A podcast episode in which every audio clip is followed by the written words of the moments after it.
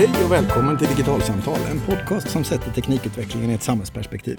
Jag heter Carl Heath och med mig har jag Anders Thoresson. Hallå, hallå! Hallå, hallå!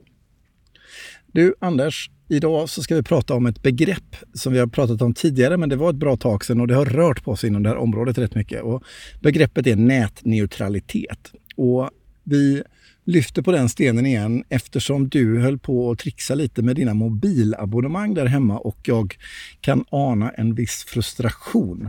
Så vad var det som hände när du skulle fixa mobilabonnemang med familjen? Vi måste egentligen backa ett hack till för att det börjar inte med valet av mobilabonnemang utan det började med valet av chatttjänst för familjens interna kommunikation. Där, där, där men en, en eh, man och pappa i familjen som är utbildare utav journalister när det gäller digital säkerhet så, så har vi valt att använda en, en chattapp som heter Wire som vi har pratat om tidigare. Um, och den har den här fina funktionen att den är end-to-end krypterad vilket innebär att allting som skickas krypteras innan det lämnar telefonen och är krypterat fram tills dess att det kommer fram. Och Det här är ju en, en, en, funktion som, som jag tycker är bra därför att då behöver man inte fundera på i förväg om det man skickar är hemligt eller inte utan man vet att det, det finns ingen annan som kan, kan avlyssna det här. Så du liksom vurmar lite grann för en bra, god och säker internkommunikation i hushållet helt enkelt? Ja, och det handlar väl lite grann om att lära barnen lite grann liksom ett, ett, ett tänk kring det här. Men också, också för sin egen del att, att flytta in så mycket av sina kommunikationer som möjligt i den typen av kanaler för att inte behöva fundera på det i, i förväg utan man vet att, att sånt som jag chattar här, skriver här, är, kommer inte vara avlyssningsbart för någon annan. Eh, och, och, det här är ju en funktion, funktion som, som, WhatsApp har sedan flera år tillbaka och vilket många eh, människorättsorganisationer har hyllat WhatsApp för. Därför att tidigare så behövde man installera den här typen av specialprogram.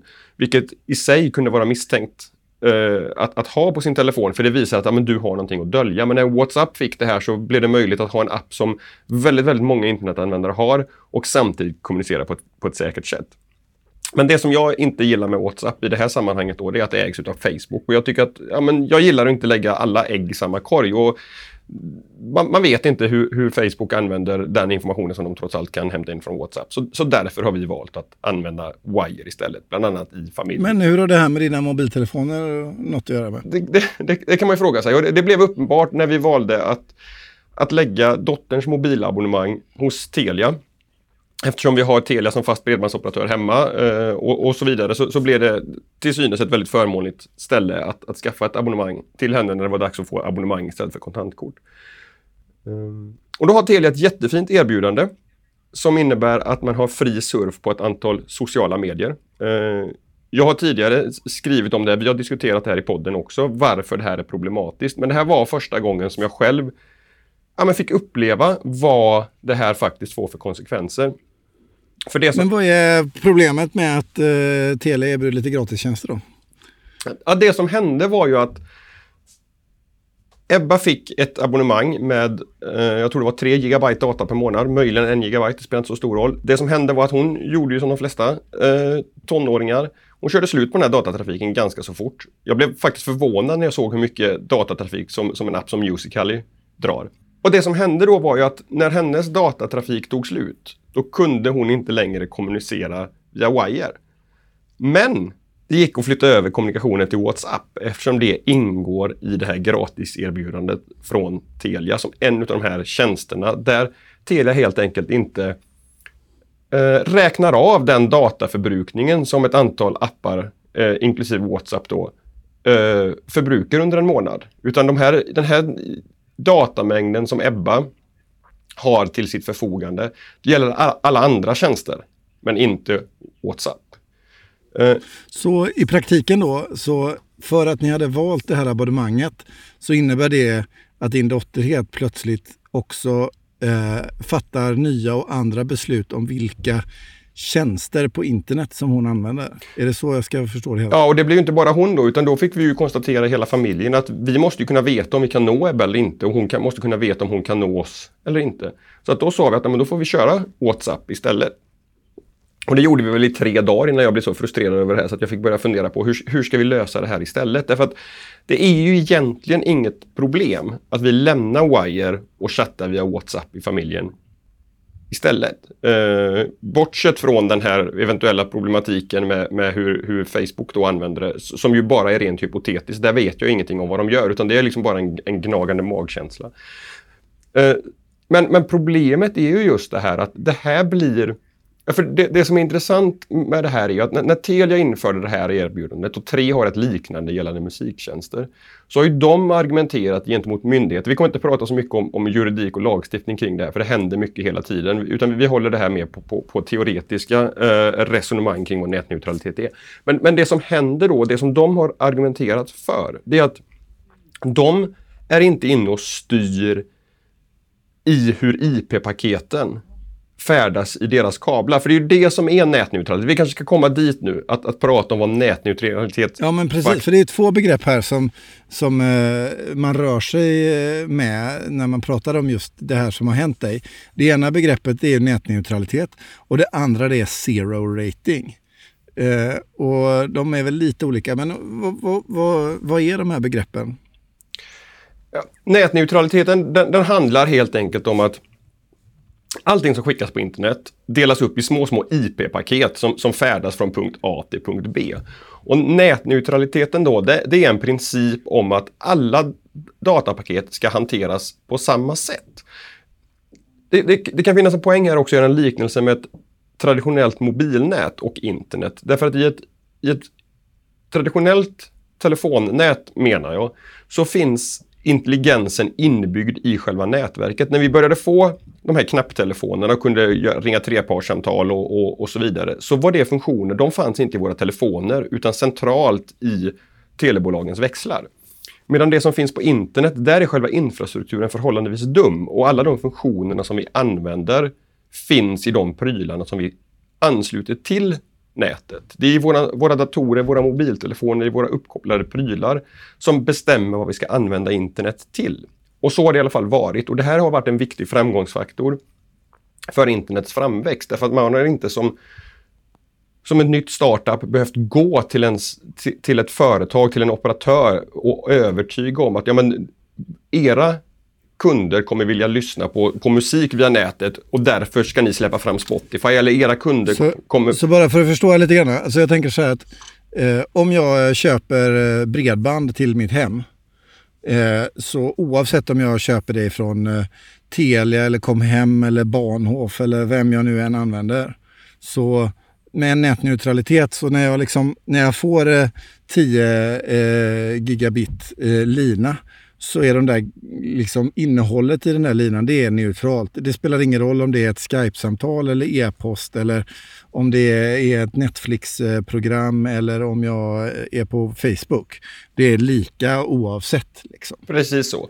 Och, och där finns det då eh, olika anledningar till varför man inte skulle vilja ha det på det sättet. Kanske framförallt som, som internetoperatör eller tjänsteleverantör. Därför att genom att då ge ökad prioritet åt en viss tjänst. Man skulle kunna tänka sig ett, ett konkurrensförhållande mellan Netflix och HBO till exempel. Där Netflix betalar för att få en gräddfil i operatörernas eh, nät. Så, så, som, som ett exempel, och vilket då skulle innebära att, att slutkonsumenten upplever Netflix som en bättre tjänst därför att det laggar inte lika ofta och så vidare. Men, men det, det, här är ju då intressant att, att dra tillbaka till, till, internets barndom och titta på, ja, men, när jag började använda nätet, då googlade inte jag utan jag altavistade eller hotbottade och använde de, de sökmotorerna som var dominerande då. Google kunde enkelt utveckla någonting nytt och släppa ut det på nätet.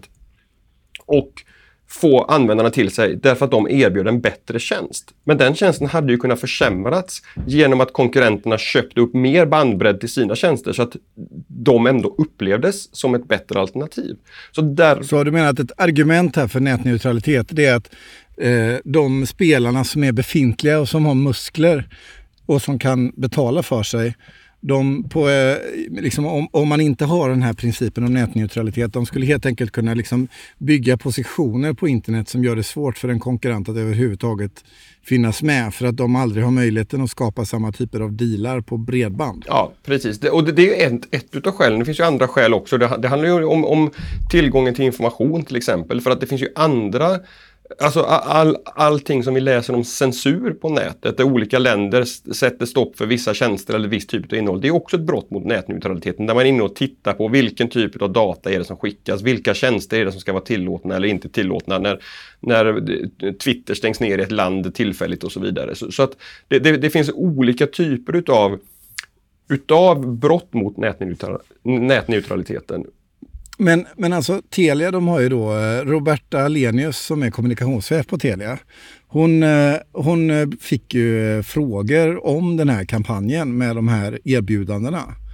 Eh, och då på frågan hur de har resonerat med det här erbjudandet så, skriv, så svarar hon då Vi har verkligen eh, lyssnat på kunderna och vill ge dem ett erbjudande vi vet att de kommer uppskatta. Världen utvecklas och sociala medier är det nya sättet att hålla kontakter med vänner och familj. Det möter vi upp med vårt nya erbjudande. Och sen lite längre ner skriver de eh, Genom det här eh, vill vi hjälpa våra kunder att vara tillgängliga på ett antal plattformar. Till en början är det som erbjuds Facebook, Instagram, Messenger, WhatsApp, Twitter och Kik. Det är en tjänst under utveckling och så vidare. Så, så här, det här ser ju de på Telia som något jättepositivt. De hjälper ju sina kunder att hitta bra tjänster. Mm. Och de, de hävdar ju själva att det inte är ett brott mot nätneutraliteten. Och här är det också då viktigt att fundera på vad det egentligen är som Telia gör. Därför att de ger inte en en teknisk funktionsmässig gräddfil till någon av de här tjänsterna som är gratis att använda. Det finns ingen skillnad i användarupplevelse mellan WhatsApp och Wire för oss ut, utöver vad de här tjänsterna faktiskt erbjuder. Så, så är det inte så att, att Telia gör det lättare rent tekniskt att använda WhatsApp. Men genom att debitera olika för de här två typerna av tjänsterna så blir ju effekten ändå att användarupplevelsen skiljer sig därför att den ena tjänsten är gratis och den andra tjänsten är inte gratis. Och så, så, eh, bara för att förstå, här, Telia de, de, de säger ju då att vårt nya erbjudande om fri surf i sociala medier ger kunderna ännu mer surffrihet. Vi gör ingen prioritering av trafik eller någon typ av blockering. Därför menar vi att det inte står i konflikt med nätneutraliteten. Så de, de menar på att nätneutralitet är en strikt teknisk eh, definition som handlar om att strypa eh, själva eh, mängden eh, bitar som går i nätet för en tjänst eller premiera för den andra. Medan vad de gör i sitt erbjudande är helt enkelt på affärssidan då att säga att eh, den här tjänsten, eh, WhatsApp, den ingår inte överhuvudtaget när vi räknar eh, hur mycket data som går. Och därför så kan man använda den hur mycket som helst. Så de argumenterar för att liksom, eftersom det här är en fråga om affärsmodell så handlar det inte om nätneutralitet. Men du menar på att det här är ett lite för snävt sätt att se på nätneutralitet. Jag skulle, jag skulle vilja säga så här att, att det visar hur, hur, hur, svårt det kan bli att, att diskutera saker och ting utifrån eh, begrepp som man kan definiera på olika sätt. Om vi struntar i vad vi kallar det för och istället bara funderar på vilka konsekvenser får det här för användarna. Så, så alltså, Alltså för oss var det uppenbart att vi flyttade vår kommunikation inom loppet av en timme från en plattform till en annan. Därför att den ena är gratis och den andra är det inte.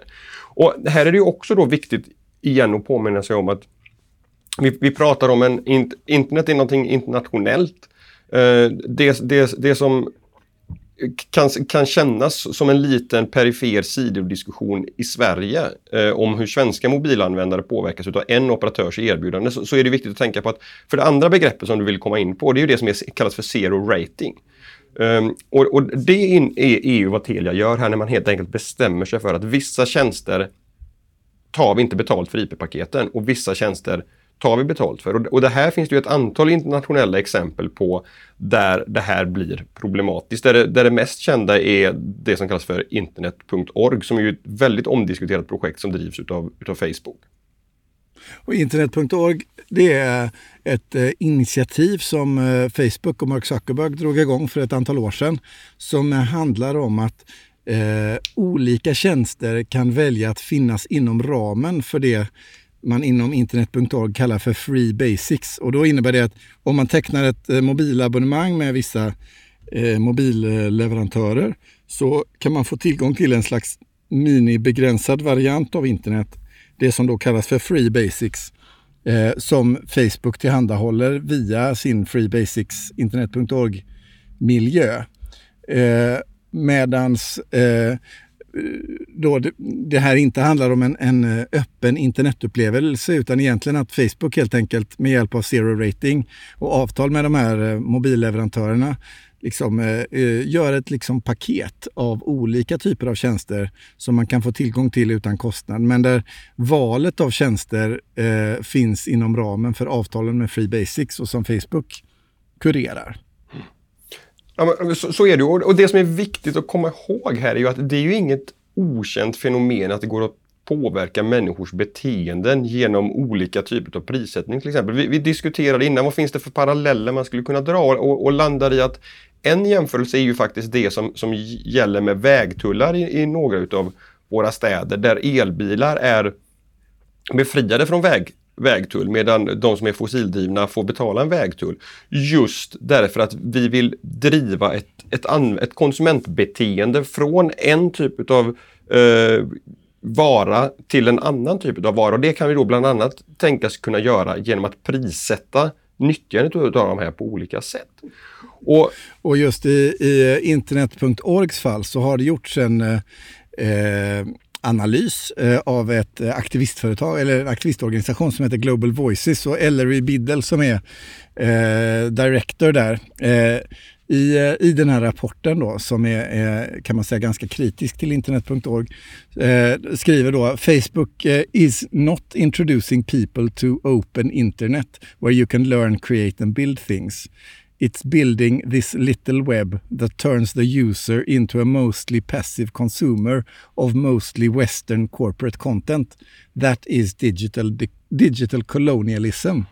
Eh, och det där tycker jag citatet stämmer lite grann till eftertanke. För någonstans så är det väl där liksom lite huvudet på spiken att vem är det som utövar makt och inflytande över vad jag upplever på internet? Är det jag som har så att säga en öppen palett av möjligheter och där det kostar mig lika mycket att ta del av alla olika de här sakerna såvida jag inte specifikt köper en särskild tjänst? Eller är det en situation där eh, eh, jag inte ser eh, från början vad, jag, vad som är subventionerat mig och inte och vad jag får och inte. Eh, att det finns en slags skillnad i vem som så att säga, kurerar innehållet där eh, graden av öppenhet och eh, graden av val som jag som konsument kan göra eh, begränsas på olika sätt. Mm. Och, och, Det här är ju viktigt ur ett betydligt större perspektiv som, som vi ofta tar upp här i podden också och som, som egentligen hela, hela vårt resonemang i familjen började med. Det här att inte lägga alla ägg i samma korg. Vi har liksom hela integritetsfrågan och, och, och de sakerna som hör till den och datainsamling om oss och så vidare. Och där är det ju jätteviktigt kan jag känna att, att stå emot och liksom inte se till att all data hamnar i knäna hos, hos samma aktörer. Men, men genom alla de här typerna utav beteenden och beslut, affärsmässiga och tekniska som vi har pratat om här, så, så finns det ju en risk att vi som internetkollektiv, som internetanvändare drivs tekniskt ibland genom spärrar, eh, eh tekniskt ibland genom gräddfiler eller affärsmässigt ibland som i fallet med, som, som, vi liksom hänger upp det här på med, med mobilabonnemangen på olika sätt nudgas att, att dra åt ett visst håll. Och, och det, som vi varit lite inne på eh, så, så är ju inte det här någonting som bara handlar om eh, slutkonsumenten heller. Utan det handlar ju om, eh, om företag som erbjuder tjänster. Eh, för någonstans i det här fallet där Telia då väljer att prioritera ett antal eh, olika typer av sociala medier så driver det ju trafik till de tjänsterna ifrån andra tjänster. Mm. Eh, och det gör ju att för en litet företag som har en ny tjänst på gång eh, så blir ju uppförsbacken eh, betydligt mycket större. Inte nog med att man kämpar mot befintliga etablerade aktörer utan de befintliga etablerade aktörerna har också en helt annan möjlighet i sin prismodell jämfört med det nya eh, up and coming-företaget. Mm. Så, så både från konsumentsidan i liksom vilka tjänster jag har tillgång till eh, vad det innebär för mig och vilka val jag gör. Men också från andra hållet såklart den som tillhandahåller olika typer av tjänster. Och sen finns det ytterligare en utmaning och det handlar om hela framväxten av eh, eh, olika typer av uppkopplade prylar och saker. Eh, I förlängningen, nu pratar vi om nätneutralitet utifrån olika typer av tjänster på nätet. Eh, men det är ju inte omöjligt Eh, att vi över tid kommer se en situation där den här typen av tjänster också kommer handla om prylar och saker. Vi har ju berört i flera avsnitt tidigare hur det börjar bli svårt att skilja på vad som är en produkt och en tjänst.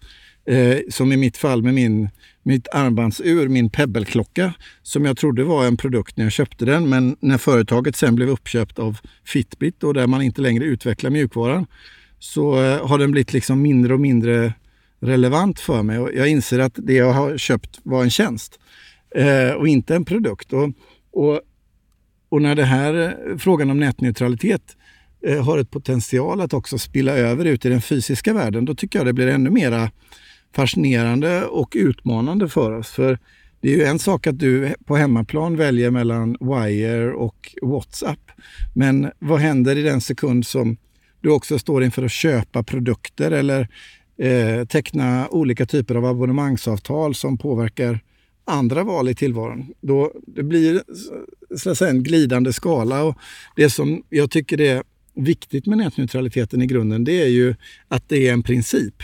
Och att, så att säga, har man ett handslag på den principen eller en juridik kopplad till den principen eh, så skapar man ett likvärdigt spelfält. Men så fort man börjar så att säga, rucka på det här, som i fallet med Telias abonnemangsvarianter, eh, då är det lite sluttande plan. Var går gränsen för vad vi anser vara nätneutralitet och inte? Eh, vad tycker vi om sådana här produkter som är på Eh, som har helt plötsligt olika förutsättningar att finnas på en marknad. Därför att Telia är ju noga med att poängtera i, sina, på sina sidor om det här erbjudandet. Det finns liksom ingen affärsmässig uppgörelse mellan, mellan Telia och de här olika tjänsteleverantörerna. Men det, det innebär att då kan jag ju tycka att då borde de ju kunna släppa all typ av chatt, alla chatttjänster fria till exempel. Men, men det, det, det, du implicerar här, det handlar ju om att man skulle kunna tänka sig en framtid där ens internetoperatör gör det lättare att använda uppkopplade lampor från en viss tillverkare eller, eller någonting annat som, som skickar mycket data via internet som är en fysisk pryl som vi använder hemma. Vilket då kan driva eh, konsumentbeteenden till en viss tillverkare, en viss leverantör utav, utav en fysisk produkt också. Ja, det är inte jätteavlägset att se det. I takt med att tjänster och produkter luckras upp och det är svårt att se vad det ena är jämfört med det andra. Så, så eh, om, om Telia kan erbjuda ett, en selektion av sociala medier, varför skulle de inte kunna erbjuda en selektion av andra populära produkter? Handla på IKEA och eh, din eh, trafik finns täcks av Telia-abonnemanget eller köp en Volvo och bilens data går på ditt och så vidare. Det finns ju mängder av eh, avtal man skulle kunna se framför sig som skulle så att säga styra och rikta marknaden och kundbeteendet och göra det svårt att skapa inlåsningseffekter på kundsidan. Mm. Så, så eh, ur ett konsumentperspektiv så tycker jag att den här utvecklingen är oroande. För, för eh, det blir svårt eh, som enskild konsument att, så att säga, kunna förhålla mig till de här olika typerna av eh, datatjänster som jag som jag köper. Vad innebär de konkret? Och när man också då, som i Telias fall, eh, menar på att nätneutralitet bara explicit handlar om den säga, tekniska frågan och att frågan om zero rating som de gör inte är en nätneutralitetsfråga. Då, då tycker jag att man är ute på hal is. Alltså. Mm. Eh, för egen del så, så, så, eh, så, så, ser jag att zero rating i allra högsta grad är en nätneutralitetsfråga utifrån det du var inne på tidigare. Att det inte handlar om den tekniska effekten utan det handlar om det förändrade konsumentbeteendet. Och, eh, helt enkelt. Och, och eh, och det, det, det, jag tycker är, det, det, som jag tycker blir så problematiskt är för att för en, för en genomsnittlig internetanvändare så ser ju det här givetvis ut som ett bra erbjudande och det är inte lätt att, att överblicka och, och, fundera i förlängningen på vilka konsekvenser får det om jag lämnar Wire till förmån för WhatsApp. Det som gör mig liksom så lite extra upprörd i det här är att jag har skrivit om det, jag har liksom bloggat om det, vi har pratat om det tidigare, hur, hur viktigt det här är som princip. Men när jag ändå stod där först och, och fick göra det här valet som konsument, inte som liksom internet och teknikjournalisten Anders utan som, som ja, privatpersonen Anders. Då blev det ändå så att ja, men det här erbjudandet är ju faktiskt bra för att det kommer göra att min dotter kan använda sitt abonnemang mer än om vi skulle välja ett annat ab abonnemangsform. Och jag klev liksom ner i den fällan med öppna ögon på något sätt. Det var först efteråt när, när fällan slog igen som jag insåg att liksom, nej men det här gillar jag inte. Och om man liksom förlänger det hela så handlar ju det här någonstans om att era beteenden, det skapar ju en fördel för Facebook i att de får fler kunder och det skapar eh, en eh, negativ effekt för Wire som får färre kunder. Så även utifrån det andra perspektivet så finns det ju vinnare och förlorare när det kommer till nätneutralitet och det känns eh, någonstans som att eh, den här frågan driver på ytterligare och spär på den här kan man säga eh, nätverkseffekterna som uppstår där eh, större och etablerade aktörer premieras framför, framför andra helt enkelt. Och där den lilla aktören, i det här fallet Wire då, eh, faktiskt inte har eh, någon som helst argumentationsbas i sammanhanget. Nej, för, för drar man ut det här, om det skulle vara så att WhatsApp-trafiken blir zero-ratad hos alla världens mobiloperatörer så, så, skulle ju det givetvis göra någonting med väldigt mångas användarbeteenden hos de som idag inte använder WhatsApp som sin priva, primära kommunikationskanal. Det är jag liksom helt övertygad om. Ja, vi får väl se. Det, som du var inne på så pågår det ju en hel del eh, diskussioner kring eh, eh nätneutralitetsfrågan. Eh, det finns eh, domstolsprocesser som pågår eh, och frågan är ju långt ifrån avslutad. I USA kan man säga så är debatten het. Där har man rivit upp eh, en, eh, ett antal förslag som skulle ha förstärkt nätneutraliteten men, men eh, just nu är det lite mer av ett gungfly också där. Och eh, man kan se att eh, det pågår eh, en aktiv och levande diskussion i, i de här frågorna. Eh, så det sista ordet är ju långt ifrån sagt i den här frågan och vi lär få anledning att återkomma till frågan när när det rör på sig i de juridiska områdena också. Så är det.